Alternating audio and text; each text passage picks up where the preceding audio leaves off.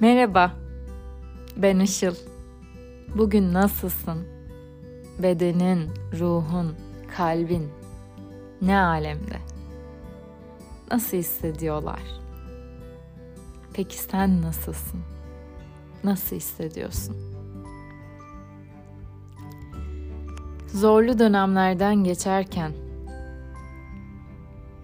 çocukluk travmalarımızla yüzleşirken, ilişkilerimizle, işimizle ilgili ya da hayatın farklı alanlarında acı çekerken tüm bu acı deneyimleri faydaya, yaratıcılığa dönüştürebilir miyiz? Ya da hiçbir şeye dönüşmeseler dahi biz delirmeden bizi öldürecek kıvama gelmeden depresyona girip aylarca hayatın anlamını sorgulamadan önce biz bu duygularla ne yapabiliriz? Bu duyguları ne yapsak da hayatı yeniden daha anlamlı yaşanır hale getirsek. Öncelikle sondan başa gidelim bu sohbetimizde. Hepimiz bu haftalarda ölümü sorguluyoruz. Yaz haftasındayız. Şöyle bir cümle buldum. Ölüm bizim dostumuzdur. Onu evine misafir etmek istemeyen zaten evde değildir. Yani er ya da geç hepimiz ölümü tadacağımız bilgisinde olsak da ölüm bizim için tabu. Ölümden söz etmek, hatta kelime olarak cümle içinde kullanmak bile birçoğumuzu uzaklaştırıyor, dayanılmaz geliyor. O yüzdendir ki mezarlar bizim göremeyeceğimiz yerlerde yer alıyor. Ölümü hep gündelik hayatımızdan uzağa koymuş vaziyetteyiz. Kendi ölümlülüğümüzle yani geçiciliğimizle yüzleşmek hem çok acı hem de çok rahatlatıcı. Yani insanın ruhunu hafifleten, içini rahatlatan bir yanı da var. İyi de geçiyor, kötü de geçiyor. Peki öyleyse hiçbir şey yapmayalım mı? Hiçbir şey üretmeyelim mi? Bir yandan geçiciliğimizin ve her şeyin geçici olduğunun idrakında olarak ama bir yandan da kendimizi ifade etmenin yollarını arayarak aslında ölümsüzlüğü de yaşayabiliriz. Peki kendimizi ifade ederken, duygularımızı ifade ederken sanat bize nasıl yardımcı olabilir? Bir diğer cümle buldum. Hemen bunu da paylaşayım. Sanat insanı parçalanmış bir durumdan birleşmiş bir bütüne dönüştürebilir. İnsanın gerçekleri anlamasını sağlar ve onları dayanılır bir biçime sokmasına yardımcı olur. Yani dayanılır kelimesi benim için e, kilit nokta bu cümlede. Sanat hayatı dayanılır ve çekicili e, çekilir kılıyor e, benim gözümde. Peki sanat deyince e, herkesin aklına resim falan geliyor. Hepimiz işte böyle sanki sanatçı e, olmamız gerektiğine dair bazı ön yargılar geliyor olabilir. Hemen onu da açalım. Öncelikle arkadaşlar hepimiz sanatçıyız. Hepimiz yaratıcıyız çünkü. Hepimizde yaratıcılık, yaratma gücü mevcut. Ama farklı alanlarda ya da henüz ortaya çıkmamış bir potansiyel olarak bizde duruyor olabilir bu yaratıcılık. Peki biz sanatla nasıl şifalanacağız Işıl? Saadete gel diyebilirsiniz. Şimdi dostlar sanat terapi deyince e, biraz gözler korkuyor. Ben sanat terapi eğitimi alıyorum biliyorsunuz. Kolaylaştırıcı olarak yer alıyorum. E, terapist olmadığım için sadece grup çalışmalarımda bu tarz e, uygulamalara yer veriyorum. Şimdi sanatın farklı dallarından faydalanabiliriz. Danstan, hareketten, müzikten, dramadan, tiyatrodan tutun da resimden, fotoğraftan, sinemadan faydalanabiliriz. Üzerinde konuşması çok zor konular vardır. Ki şu an yaşadığımız durum böyle tam olarak. Böyle durumlarda biz kendimiz için ya da karşımızdaki insan kendini daha rahat ifade edebilsin diye onunla sanat aracılığıyla iletişim kurabiliriz. Kendini bir müzikle, bir şarkıyla ifade etmesini rica edebiliriz. O kişinin o duyguları boşaltması için, sağlıklı bir yoldan dışa vurması için ve onun bize söyleyemediklerini biz onun o dinlediği şarkıdan, okuduğu şiirden, izlediği filmden, yaptığı hareketlerden, beden dilinden, duruşundan, çıkardığı seslerden, her şeyden anlayabiliriz. Dolayısıyla çok daha gerçek, gerçekleri ifade eden bir iletişim kurulur aramızda. Her zaman birbirimize dokunmak durumunda değiliz ki travması olan insanlar için dokunsal çalışmalar kolay değil. Ama siz de şu anda duygularınızı ifade etmekte zorlanıyorsanız ama bir yandan içiniz karışmış, duygular iç içe geçmiş ve çok yoğun duygular içindeyseniz öfke mesela. Öfkeden e, faydalanmak, öfkeyi yaratıcı yollardan dışa vurmak, öfkenin mesajını almak çok önemli. Ben hala öfke yönetimi e, çalışmaya devam ediyorum. Öfkelenmemek değil sağlıklı olan ama öfkeyi şu anda toplumumuzda çokça e, artan duygu olaraktan e, öfkeyi nasıl dışa vururuz?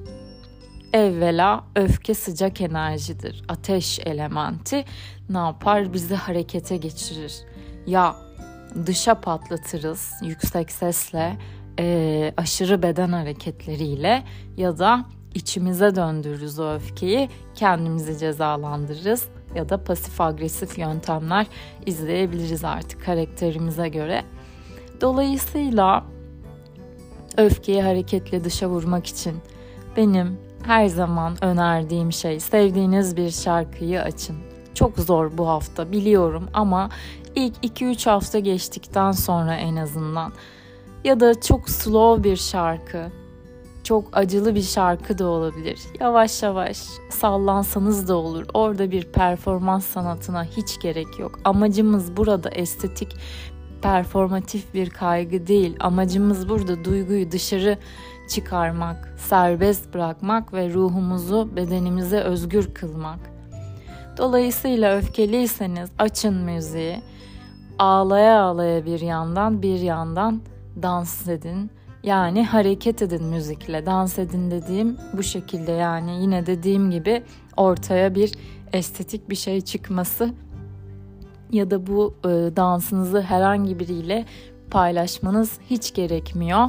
Sadece sallanın.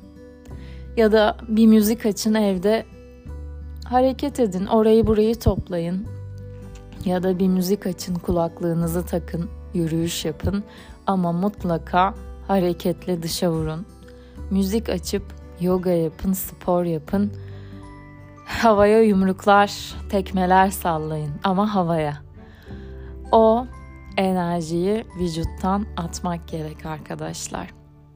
Çünkü bir önceki podcast'imizde dediğim gibi kendimize de birbirimize de yönlendirmek sağlıklı değil şu anda. Sakin, dingin bir yerden istikrarlı bir şekilde adımlar atarak sürdürülebilir kararlar vermek için e, dengede olmamız gerekiyor. Dolayısıyla zihni sakinleştirip bedeni ve ruhu dinleyeceğimiz çalışmalar paylaşıyorum ben de. Müzik dedik, şiir olabilir.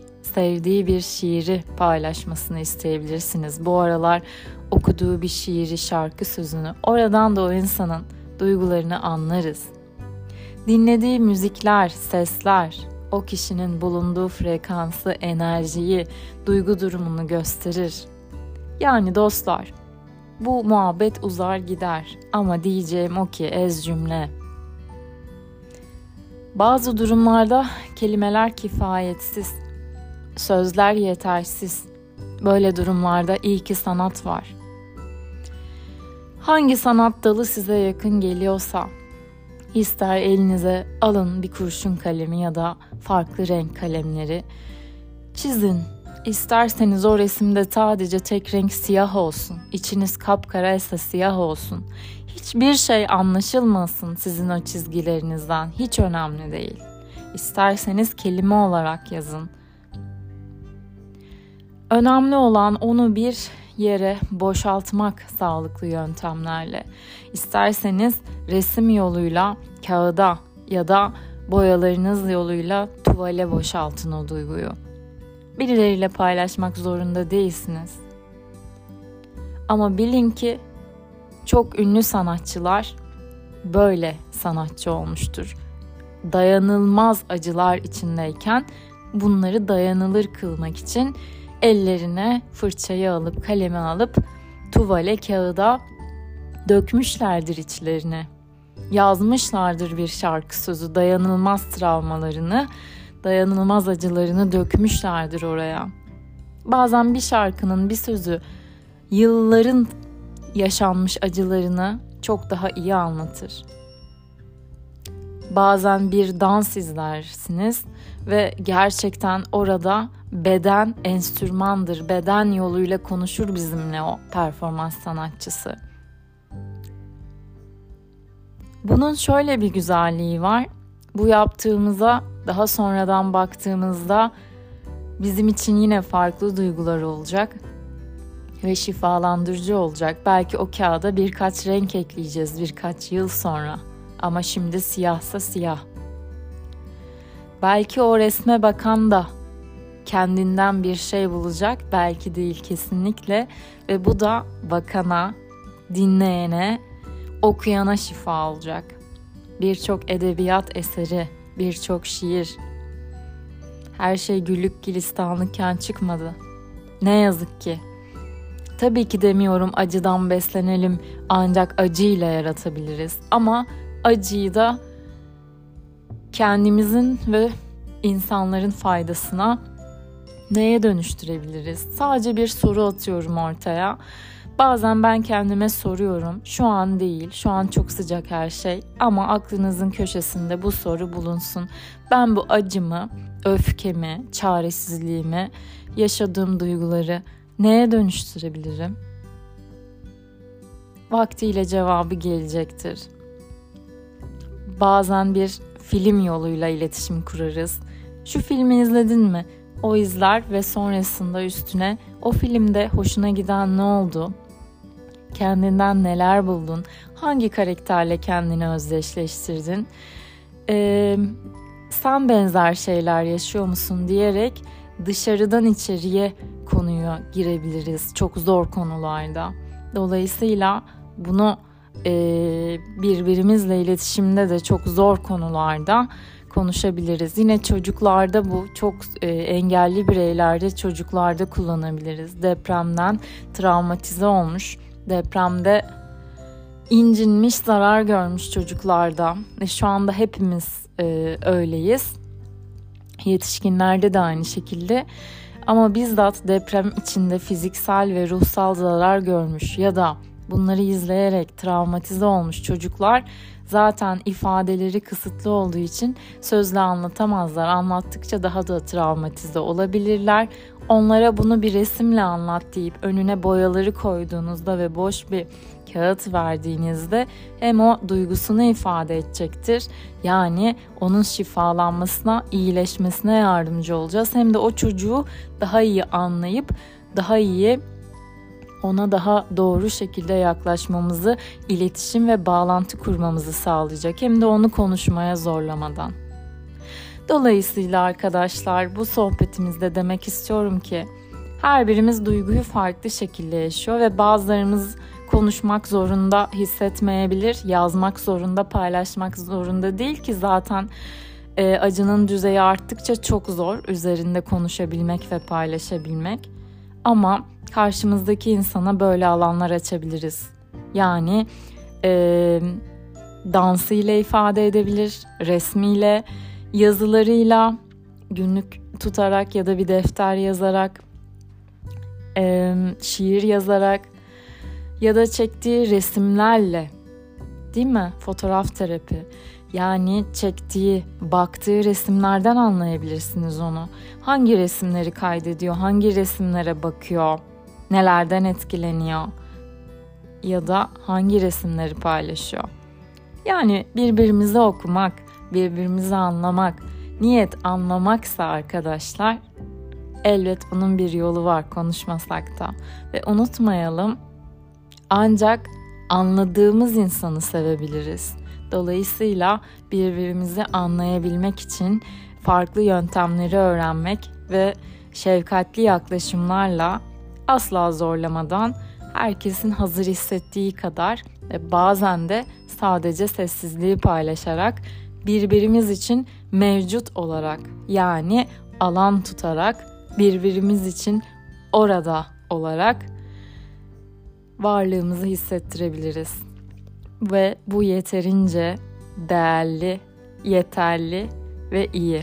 Dolayısıyla ben ne yapacağım dediğiniz vakit o kişinin sadece yanında olarak, yanında durarak, güzel enerjilerinizle, e, yüksek enerjinizle ve frekansınızla da onun iyileşmesine, iyi hissetmesine faydanız olabilir. Hepinizi çok seviyorum. Bir sonraki podcast'imizde buluşmak dileğiyle.